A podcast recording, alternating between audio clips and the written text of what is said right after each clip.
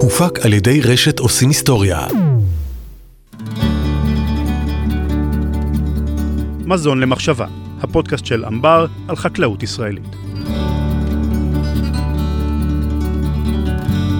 שלום רונן שחורי. אהלן. אמ, אנחנו מכירים כבר כמעט שנה. בואנה, הזמן עובר. כן? אני- משהו כזה. כן, כן, אני הסתכלתי עכשיו על היומן, אנחנו מכירים כמעט שנה. אני כן הצלחתי להתרשם מדבר אחד, ותקן אותי אם אני טועה. אתה תמיד מחפש את עמק השווה, ויש בך משהו מאוד מאוד הסכמי, ומאוד מאוד לא לעומתי. וזה, זה, אתה יושב פה קצת, אה, למאזיננו, קצת מסמיק בלחיים, אני לא לגמרי טועה, נכון? אם אני אשאל אנשים, ככה הם יתארו אותך. אני חושב שאתה טועה. שאני טועה? כן. אוקיי, בסדר. אז אולי זה יסביר איך הגענו לפרק שהגענו היום, כי הפרק שהבאת היום, הנושא שלו הוא נושא מאוד נפיץ. אני לא חושב שהוא מאוד נפיץ. לא? אני, לא. יש לי הרגשה שמי שלחץ כדי להאזין כבר מגיע טעון עם עמדה. לא עם דעה, עם עמדה. שנגיד למי שלא ראה וסתם ככה נכנס לתוך הפרק, אנחנו מדברים על הכותרת שלו, אה, היתרונות שבצריכת חלב. אני לא חושב שזה נפיץ. אה, זה נכון שיש אנשים שאולי אה, פחות יסכימו עם האמירה הזאת. אני באופן אישי מאוד מאמין באמירה הזאת, אבל אני לא חושב שזה נפיץ. אתה יש- מסכים איתי אבל שמי שמאזין עכשיו בא עם עמדה ולא עם דעה? באופן חלקי. יש אנשים שרואים בשתייה של חלב, באכילה של מוצרי חלב, דבר מאוד טבעי, ולכן אין לו עמדה, הוא, אה, מבחינתו זה טבעי לחלוטין לאכול מוצרי חלב. יש אנשים שמאוד פרו אכילה של מוצרי חלב, ויש גם אנשים, הם אה, בסך הכל אה, לא רבים, שמתנגדים לצריכה של מוצרי חלב. אבל אתה שומע אנשים שבעיקר התגובות הקוליות יותר, אני לא אוהב את המילה קולניות, כי זה כאילו סתם עומדים וצועקים בפינת הרחוב, אבל ה- בעלות הקול הרם יותר, נגד צריכת חלב ומוצריו מאשר צריכת ביצים. אתה לא שומע את אותן אמוציות בצריכת ביצים נניח. בסוף הם, אני חושב שהם קומץ. יש המון גישות לתזונה. שוב, חלק מהאנשים מאמינים בתזונה מגוונת ומאוזנת, חלק מהאנשים מאמינים בתזונה פלאוליטית, יש טבעונים, יש צמחונים, יש אה, פלקסטריאנים, יש אנשים שאוכלים תזונה אה, אלקלית ודיאטת אתקינס ועוד, וסאות' ביץ' ועוד כל מיני אה, סוגים שונים. ויש אנשים שאולי צורכים פחות מוצרי חלב, אבל אה, אני חושב לשמחתי הרבה, יותר אנשים מאמינים בתזונה מאוזנת, ולכן הם צורכים גם מוצרים מהחי, שזה אומר גם מוצרי חלב, וגם בשר, וגם ביצים, וגם פירות וירקות, כמו בעצם שהתוודענו בפרק אה, אה, עם אה, לימור בן חיים.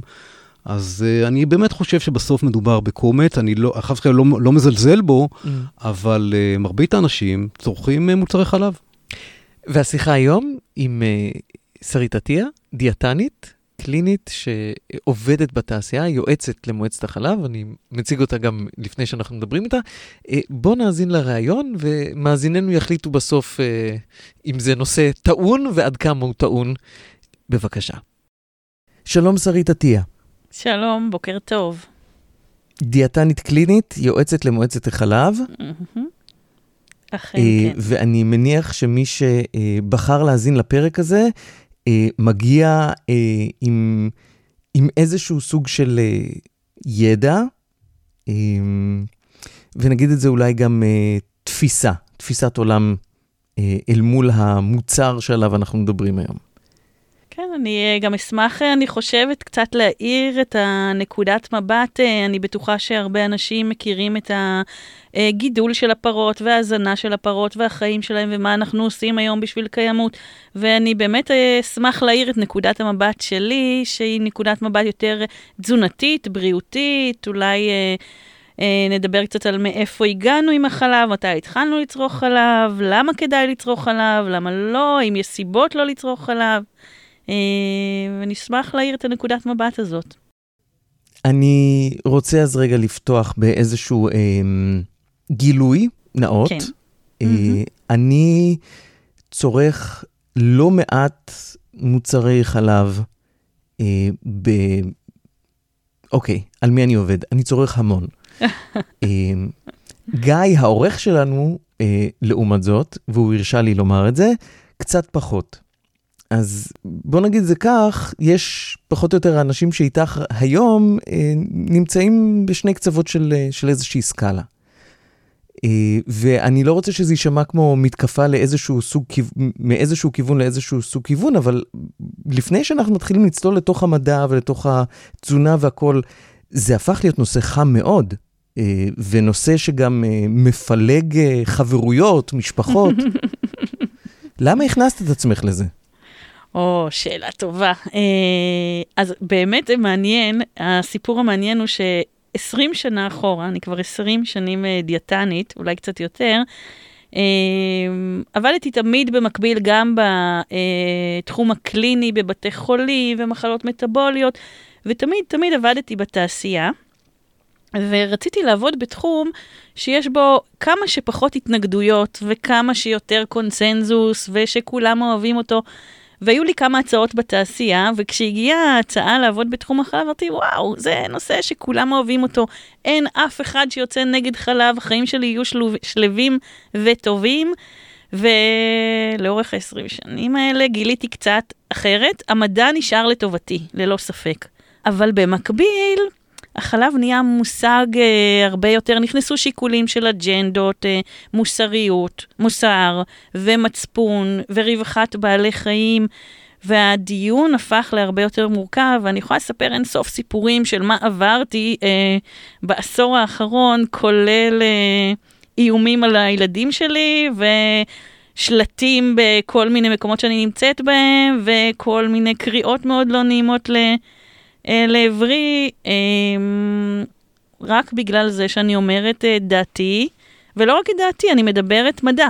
אבל, לאורך כל זה, אם אנחנו מסתכלים על נתוני צריכת חלב, למרות כל מה שתיארתי, נתוני צריכת החלב בישראל לא יורדים, ואפילו אנחנו רואים עלייה קטנה כל שנה בכמה חלב הישראלים צורכים. אני רוצה רגע לעצור ולהגיד, כשאני אומרת חלב, אני מדברת גנרי, חלב יוגורט וגבינה, לאו דווקא חלב נוזלי. אני רוצה אז להתחיל בלשאול, מה זה חלב? חלב, ההגדרה של חלב היא באמת נוזל שיוצא מבלוטות של uh, כלשהי חיה. אנחנו במקרה הזה מדברים uh, בישראל, אנחנו מדברים בעיקר על פרות, על uh, uh, כבשים ועיזים, ובעולם אנחנו גם מכירים חלב של גמלים וחלב של נעקות. והגדרה של חלב בתקנות היא באמת נוזל שיוצא מנקודות, מבלוטות החלב של uh, uh, יצורים. ומה יש בו? אנחנו מסתכלים היום באמת החלב בתקופה הראשונה, כשאנחנו נולדים, בעצם מספק ליונק את כל מה שהוא צריך בשביל תזונה מלאה ושלמה. זאת אומרת, בחודשים החיים, של החיים הראשונים, כשהיונק אה, באמת יוצא לאוויר העולם, חלב יכול לספק לו את כל מה שהוא צריך. זה קצת שונה כשאנחנו נגמלים מחלב ועוברים לתזונה מלאה, אז חלב עובר להיות קבוצת מזון. ואחד המזונות הצפופים תזונתית ועשירים בתזונה שלנו זה באמת מוצרי חלב. ממה בעצם הוא מורכב? החלב, אם אנחנו מסתכלים עליו, אה, מורכב בעיקרו ממים. אה, מעל ל-90 אחוזים ממנו הם בעצם אה, מים, לא, לא מים מוספים כמובן, אלא הם חלק מההרכב שלו. יש בו אה, אחוז של חלבונים. חלבוני החלב הם חלבונים אה, שנחשבים לחלבונים הכי איכותיים בטבע, בכל המדדים. הם, יש שני תת-סוגי חלבונים, חלבון הקזאין וחלבון הווי. רוב החלבון מורכב מחלבון קזאין, ו-20% זה חלבון הווי, שבאמת, אם אנחנו מסתכלים על מדדים, זה תמיד החלבונים הכי איכותיים שיש.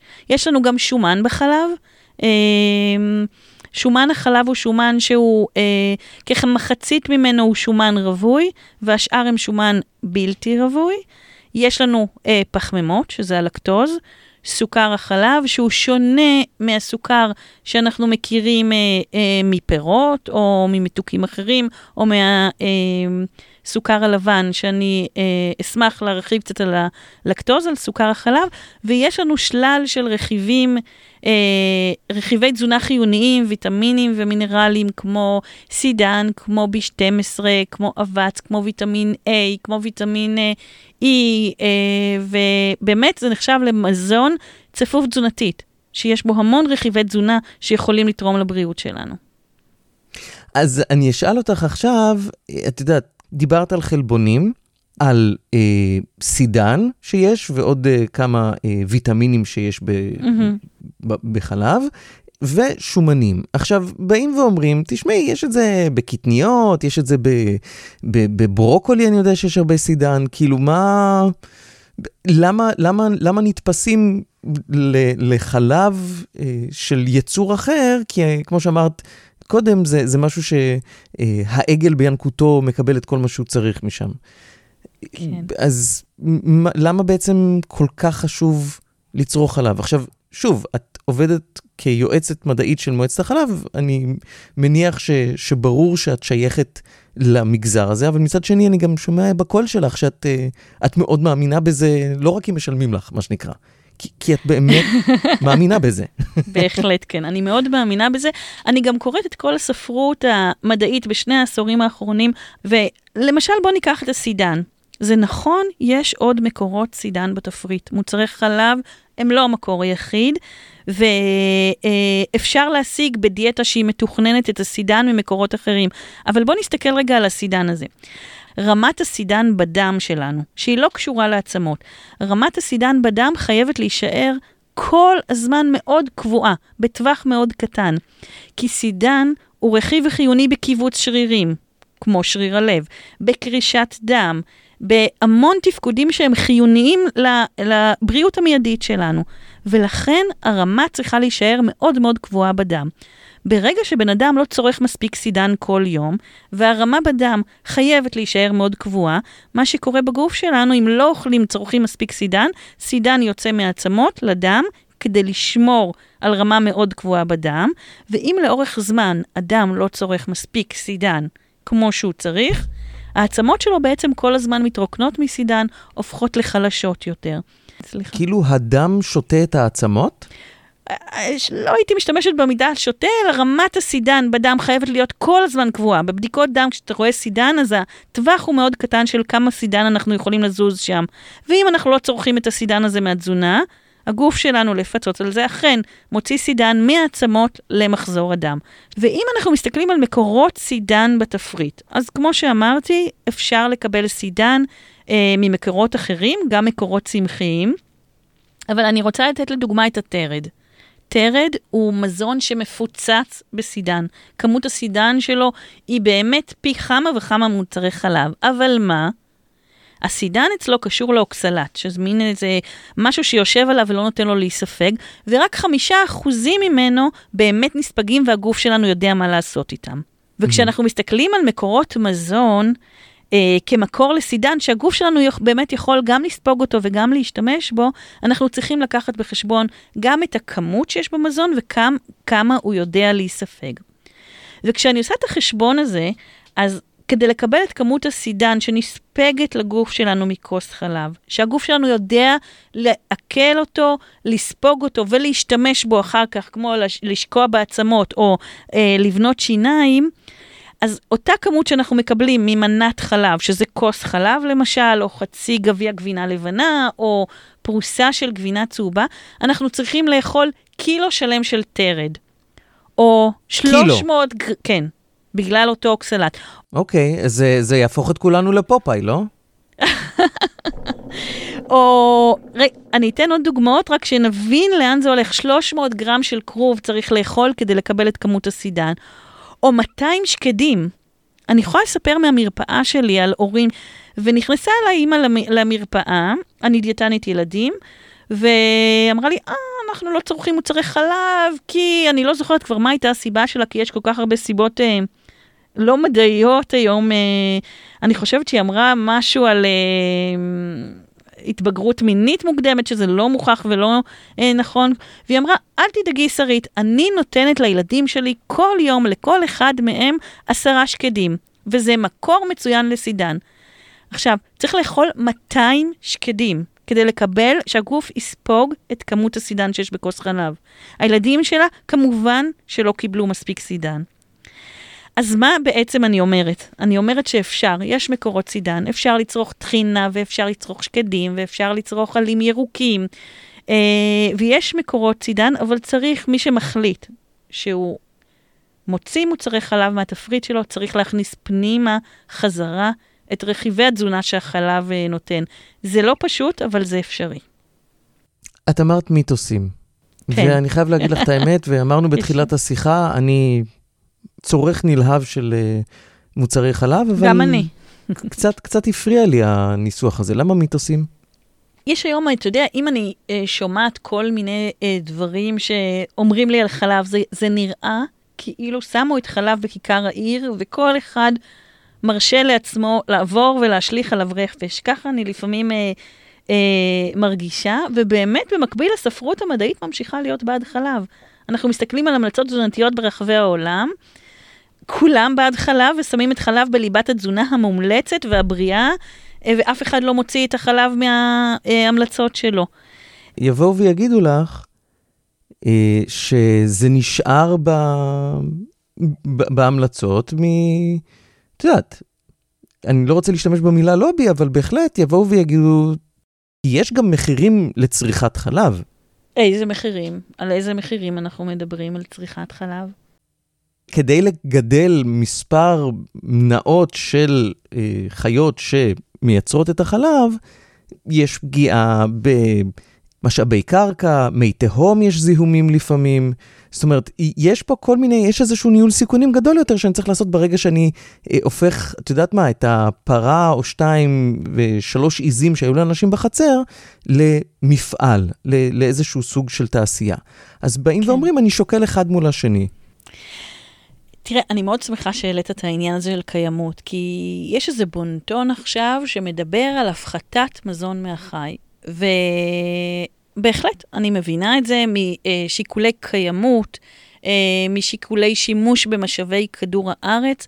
אנחנו צריכים להפחית את כמות המזון מהחי שאנחנו אוכלים, זה נכון.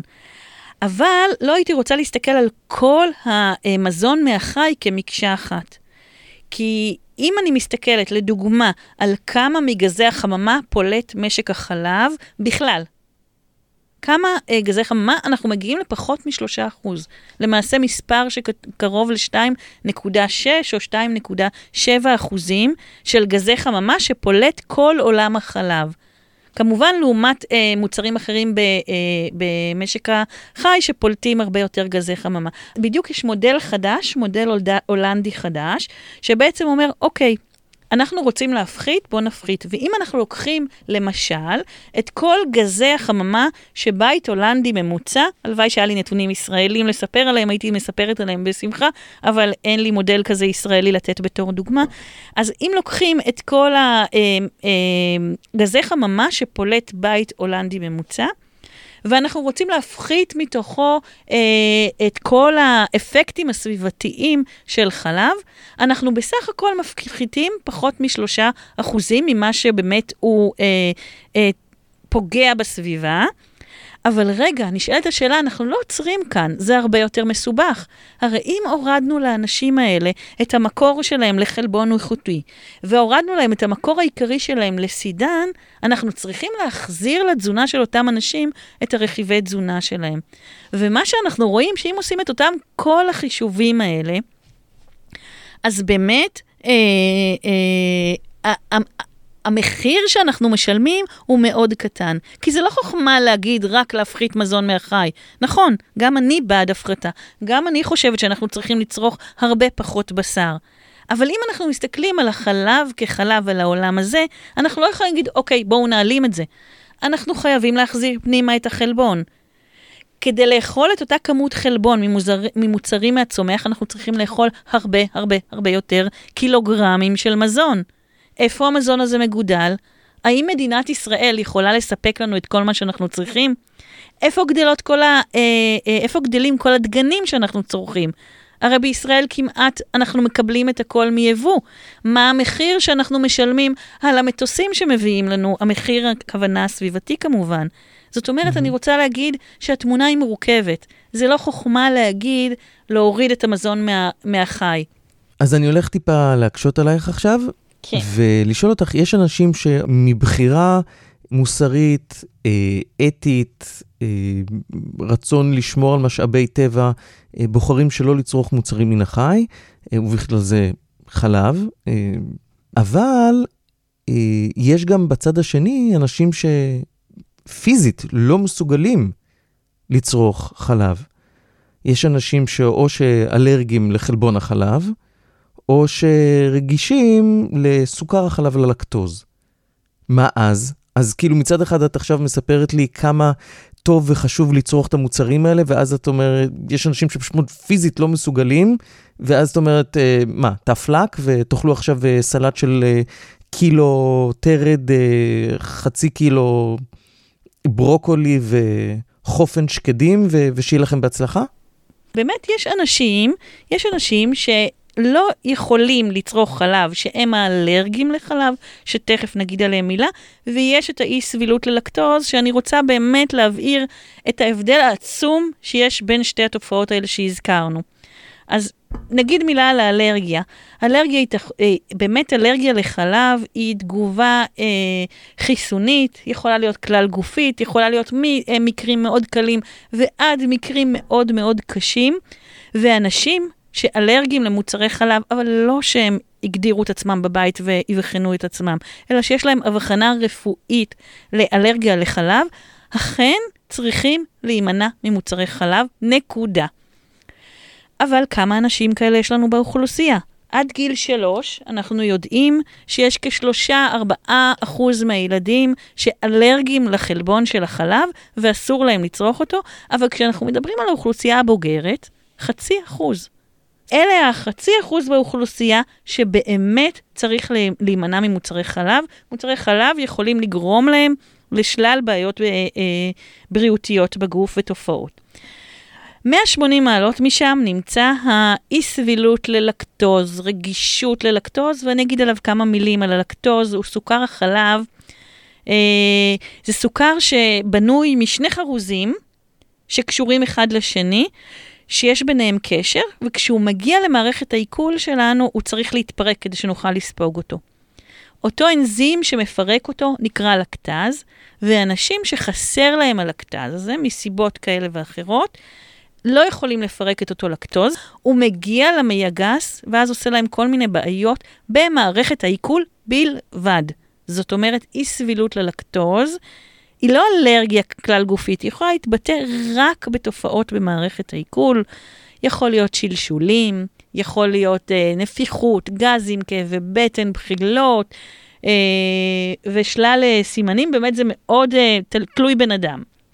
אבל אתה יודע, אם אנחנו מסתכלים על האנשים אה, הקדומים, יש אנשים, הרי כשתינוק יונק נולד, לא רק תינוק, כל בעל חיים, כמות הלקטז, אותו חומר שמפרק את הסוכר, היא מאוד גדולה, כי מזה בעצם הוא ניזון. אחרי גיל הגמילה, אצל רוב האנשים, הכמות של הלקטז הזו יורדת, של החומר שמפרק את אותו סוכר. ואתה מסתכל על האוכלוסיות בצפון אה, אירופה, האוכלוסיות ששרדו יותר, בזמנים של אה, בצורת, בזמנים של אה, חוסר במזון, אלה שיכלו לעכל באמת את החלב ולאכול אותו. אבל בואו נסתכל על אלה שה-65 אחוזים שהרמת לקטז שלהם אכן יורדת עם השנים. רובם יכולים להמשיך לאכול מוצרי חלב בלי בעיה, אפילו שהרמה יורדת. אנחנו צריכים להגיע לפגיעה מאוד גדולה ברמה הזאת כדי שנראה את אותם תסמינים. אבל גם באנשים האלה שחווים את התסמינים, ניקח כוס חלב נוזלי, יש בו אה, אה, כחמישה גרם לקטוז. זה הסוכר היחיד בחלב, אבל בואו ניקח גבינה קשה, או חמאה בצד השני, כמעט ואין בהם לקטוז. זאת אומרת, אני בתור דיאטנית עוזרת לאדם עם כאלה סימפטומים לא להוציא את מוצרי חלב מהתפריט, אלא לאכול את אותם מוצרים שיש בהם פחות לקטוז. כשאת מדברת על uh, מחקר, ויש שיגידו שהמדע והמחקר שעומד מאחורי uh, uh, תמיכה בחלב, זה בגלל שגופים um, כמו מועצת החלב בעצם מממנים את זה, אבל מצד שני, כשאת מתארת את הקולות ה... מהצד הטבעוני, שאת מכנה אותם קולניים יותר, זה בגלל שלא מתייחסים למדע שלהם ברצינות נניח, אז הם נורא מתרעמים. ואחד המחקרים הגדולים שפרצו את התודעות של כולם פחות או יותר, היה מחקר סין. כשבונים הנחיות תזונתיות, יושבים מומחים, שזה העבודה שלהם, יודעים לבנות מטריקצות מאוד מאוד מסובכות, להכניס את כל המחקרים שיש לתוך מסננת ולצאת באיזושהי מסקנה שטובה לבריאות הציבור. עכשיו, הזכרת מחקר, הוא מחקר סין, זה מחקר של למעלה מ-30 שנים על אה, אה, עיקרים כפריים בסין, בהרים, שכבר מזה אנחנו יכולים, מה אנחנו יכולים להסיק מזה על האדם המודרני היום? ומחקר סין הוא מחקר שבפירמידת ההוכחה נמצא מאוד נמוך. זה בעצם מחקר, הוא נקרא מחקר אקולוגי, אבל לא מתכוונים לאקולוגיה, באמת מדברים על איזשהו, אה, על, על אה, על האוכלוסייה כאוכלוסייה, כאקו-סיסטם, ואנחנו מסתכלים על אותה אוכלוסייה של אנשים, אנחנו רואים מה הם צורכים, ואנחנו רואים כמה מחלות לב וכלי דם יש בהם, לדוגמה. עכשיו, זה לא אומר שאנשים בכלל שצרכו את החלב, יש להם מחלות... אה, אני אתן דוגמה למחקר כזה מאוד מאוד פשוט. אתה יכול להגיד בתל אביב, בקיץ, אוכלים הרבה ארטיקים, ובתל אביב בקיץ טובעים הרבה אנשים בים. יש קשר מאוד, אה, מאוד אה, חזק, אבל זה לא קשר של סיבת תוצאה. והמחקר הזה אה, הוא מחקר שבאמת אנחנו בטח ובטח במרחק זמן שלו, באוכלוסייה שלא מתאימה לו ובעיצור הדיזיין שלו, עצם זה שאיך בדקו שם את הקשר, אנחנו לא יכולים להסיק ממנו קשר של סיבת תוצאה, ואנחנו בטח ובטח, הוא יכול להיות איזשהו בסיס למחקר עתידי. בוא נדבר רגע באמת על היתרונות התזונתיים. מה בעצם אה, אה, צריכת חלב אה, ומוצריו כן יכולה להועיל למי שבוחר בזה ולמי שיכול לצרוך את זה. זאת אומרת, לא אותם חצי אחוז מהאוכלוסייה או האנשים שיש להם אה, רגישות ללקטוז. אני יכולה להתחיל, אתה יודע, שאנחנו שואלים אנשים למה אתם בוחרים, בכלל למה אתם אוכלים מה שאתם אוכלים. למה, מה הבחירה הראשונה? כשעושים סקרים, כי זה טעים. בדיוק, אנשים בוחרים את המזון כי הוא טעים להם. אנשים לא אוכלים משהו שלא טעים להם. ואני חושבת שמוצרי החלב, אולי אני משוחדת, אבל הם מאוד טעימים. והם מאוד זמינים. מעבר לזה שהם מאוד טעימים, הם מאוד זמינים לנו וקל לנו לאכול מהם. אני גם דיאטנית ילדים, וכשאני מסתכלת על תזונה של ילדים היום, אני מכירה את מה אוכלים ילדים בסך הכל. אין להם מזונות עשירים תזונתית בתפריט, יש להם פחות מדי. הם אוכלים פחות מדי פירות וירקות, הם אוכלים פחות מדי דגנים מלאים, הם אוכלים פחות מדי, אה, למשל, מוצרי חלב. אם אני מסתכלת על בני הנוער, למשל, שזה חלון ההזדמנויות לבנות מסת עצם. באמת אנחנו בונים עצמות עד גיל, אה, נשים עד גיל 21, גברים קצת יותר. את מרבית מסת העצם אנחנו צוברים בגיל ההתבגרות. שבע מתוך עשר בנות לא צורכות מספיק סידן. זאת אומרת, דווקא בתקופה הזאת, ויש לנו כאן איזושהי הזדמנות למזון שהוא גם זמין וגם טעים וגם ספק סידן עיקרי, שחבל מאוד לוותר עליו. אה, מה, מה קורה אחרי. גיל 20 לעצמות?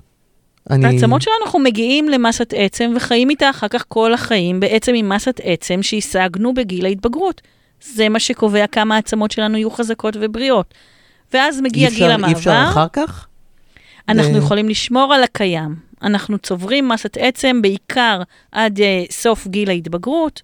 אה, גברים קצת יותר, אה, אה, נשים זה סביבות גיל 20-21 שנים, וגברים קצת יותר, ובעצם אחרי זה אנחנו חיים עם המסת עצם שהשגנו. זאת אומרת, מה שאנחנו אוכלים בגיל ההתבגרות משפיע על כמה שברים יהיה לנו כשנגיע לגיל 60 ו-70 ו-80, זה בהחלט קשור, ואנחנו בונים את מסת העצם שלנו. אחר כך במהלך החיים אנחנו צריכים לשמור עליה ואולי להאיט את הירידה בגיל המעבר, בגיל ה... בשנות החיים המאוחרות. ומה שאנחנו רואים, אתה יודע, יש מחקרים, אפילו מחקרים ישראלים. עשו מחקרים אה, אה, בישראל על ילדים שלא צורכים חלב לתקופות ארוכות כי הם אלרגיים לחלב.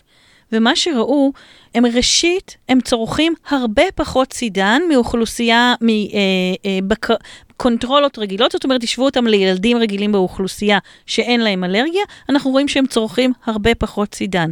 למרות שסביר להניח שהם מודעים לזה בבתים שלהם, ואוכלים יותר מקורות סידן אחרים, בפועל הם צורכים הרבה פחות סידן. אנחנו רואים אצלם אה, יותר שברים, ורואים אצלם שיא מסת עצם, כשהם מסיימים את גיל ההתבגרות שלהם, נמוכה יותר יחסית לצרכני חלב. מחקרי המשך על אותם ילדים הראו דברים מעניינים שהם גם לא מממשים את פוטנציאל הגובה שלהם במלואו. אמ, מה ששומר על מערכת השלד שלנו אה, זה השרירים. אז אני לא יכול אה, לשמור על זה מה, מהצד הזה? בהחלט שאתה יכול ורצוי, וגם מהצד הזה. אה, בשנים האחרונות אנחנו מדברים יותר ויותר על מונח הסרקופניה. אה, סרקופניה, עיבוד מסת שריר, זה בעצם איזושהי הפחתה במסת השריר שלנו ופגיעה בתפקוד שלנו, שהיא אפשר, אני רוצה להגיד נורמלית, אבל זה הכי לא נורמלי, החל מגיל 35 שנים, אנחנו מאבדים כל שנה אה, אה, אחוז אחד ממסת השריר שלנו, ואחוז וחצי מהתפקוד שלו. ובעצם מה, מה, אנחנו מה, מגיעים... מה, מה, מה, מה? בגיל כן? 35 אני מתחיל להתפרק כבר? החל מ... החל מגיל 35 שנה, אדם בריא מאבד בין אחוז לשניים, הייתי נחמדה שאמרתי אחוז אחד, של מסת שריר בשנה, כן. זה ממש אנחנו לא גם פייר. רואים, אנחנו גם רואים ירידה בתפקוד שלהם. של השרירים כמובן. ואז מהמם. אנחנו מגיעים, כשהאובדן הזה הוא אובדן גדול, כשבן אדם נניח לא צורך מספיק חלבון בתזונה שלו, לאורך שנים, כן, הוא לא צורך מספיק חלבון, הוא מאבד יותר מסת שריר יחסית לאדם שצורך מספיק חלבון וחלבון איכותי. וכאן אנחנו יכולים לדבר על עוד יתרון לחלב. אני הזכרתי מקודם מדדים. יש בעולם המדע מדדים שאנחנו מודדים כמה שווה אותו חלבון. זאת אומרת, מה, כמה מהחלבון הזה באמת יכול להיספג, ובכמה מהחלבון הגוף שלנו יכול להשתמש בו. זה אומר שאם אני משווה נניח אה, חלבון אפונה, גרם חלבון אפונה לגרם חלבון חלב, השאלה היא כמה מאותו גרם יכול להיספג בגוף שלנו, ומה הגוף יכול להשתמש בו לבנייה. למשל, בניית שריר. כשאנחנו מדברים על בניית שריר, אז אנחנו רואים שבניית שריר אחרי אימון גופני, למשל, הרבה יותר טובה, מהירה וחזקה כשאתה צורך חלבון שמקורו בחלב. אתה יכול להשיג גם את אותה תוצאה מחלבון מהצומח, אבל אתה צריך לאכול כמות של חלבון הרבה יותר גדולה. מה הצלחת האוטופית מבחינתך? אה, אני... אוטופית זה קצת קשה, כי בעולם אוטופי גם הייתי רוצה לגדל את הפרה בחצר שלי ולחלוב אותה לבד, ולגדל לבד את הברוקולי. אבל אין מה לעשות, אנחנו חייבים אה, בעולם שלנו, אה, גם אני, בתור אה, אישה שעובדת ומבשלת לילדים שלה אוכל שאני רוצה שהוא יהיה כמה שיותר טוב, גם אני לא מגדלת הירקות בחצר, קצת כן, אה, ואין לי פרה ואין לי לול. אני באמת מאמינה בגיוון ובאיזון ובמינון, ובאמת, צלחת אידיאלית זה צלחת שמחולקת לשלושה חלקים. אה, שליש אחד בה הוא מקור לחלבון, שזה יכול להיות או חלבון מהחי או חלבון מהצומח, אבל צריך בכל צלחת שתהיה לנו, לנו מקור חלבון. זה יכול להיות בשר, עוף, דגים, מוצרי חלב, ביצים, קטניות למיניהם. שליש מהצלחת צריכה להיות אה, מקור לפחמימות, עדיף כמובן פחמימות מורכבות, ושליש מהצלחת צריך להיות ירקות. עכשיו, אני אומרת שליש, אבל כדי לסדר את זה, אבל בשאיפה, החלק של הפירות והירקות צריך להגיע אפילו לחצי צלחת.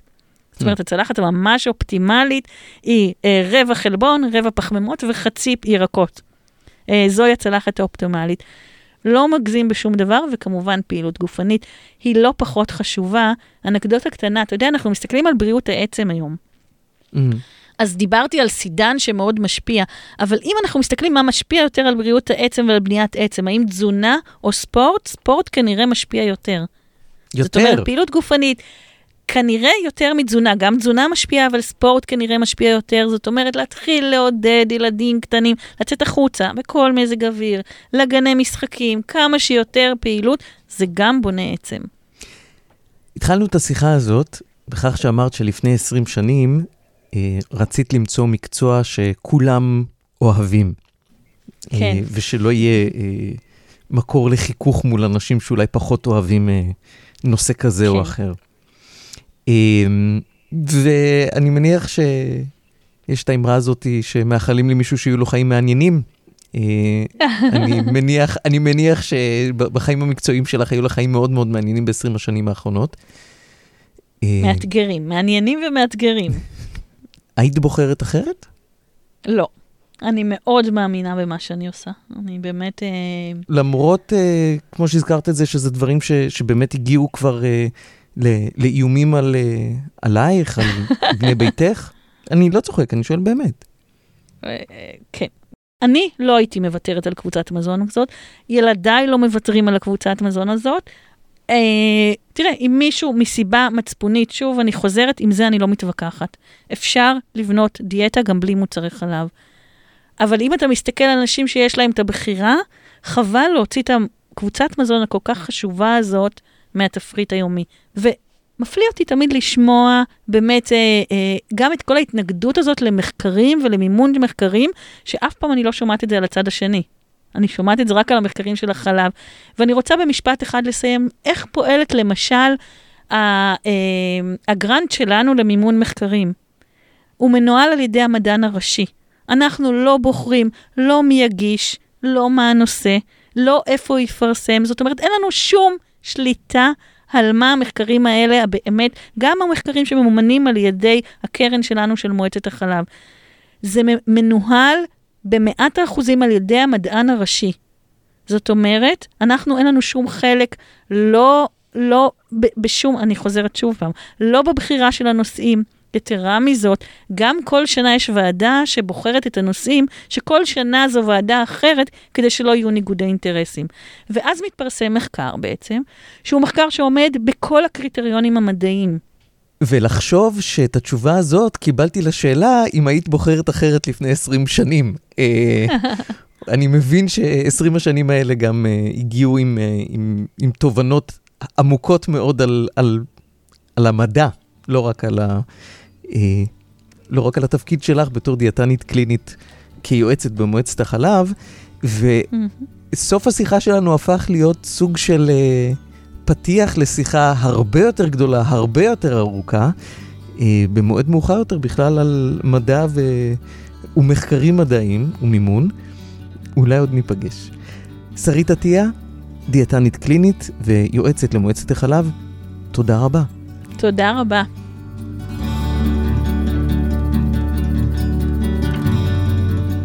זו הייתה השיחה עם שרית עטיה.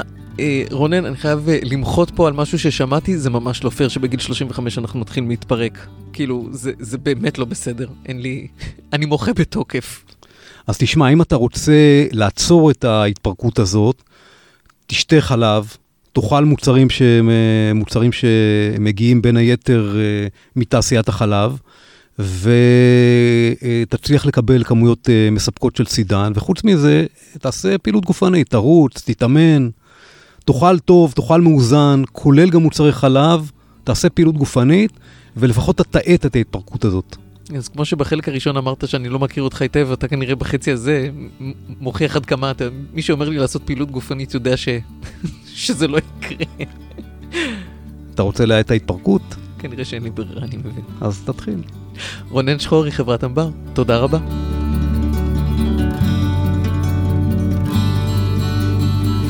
מזון למחשבה, הפודקאסט של אמבר על חקלאות ישראלית.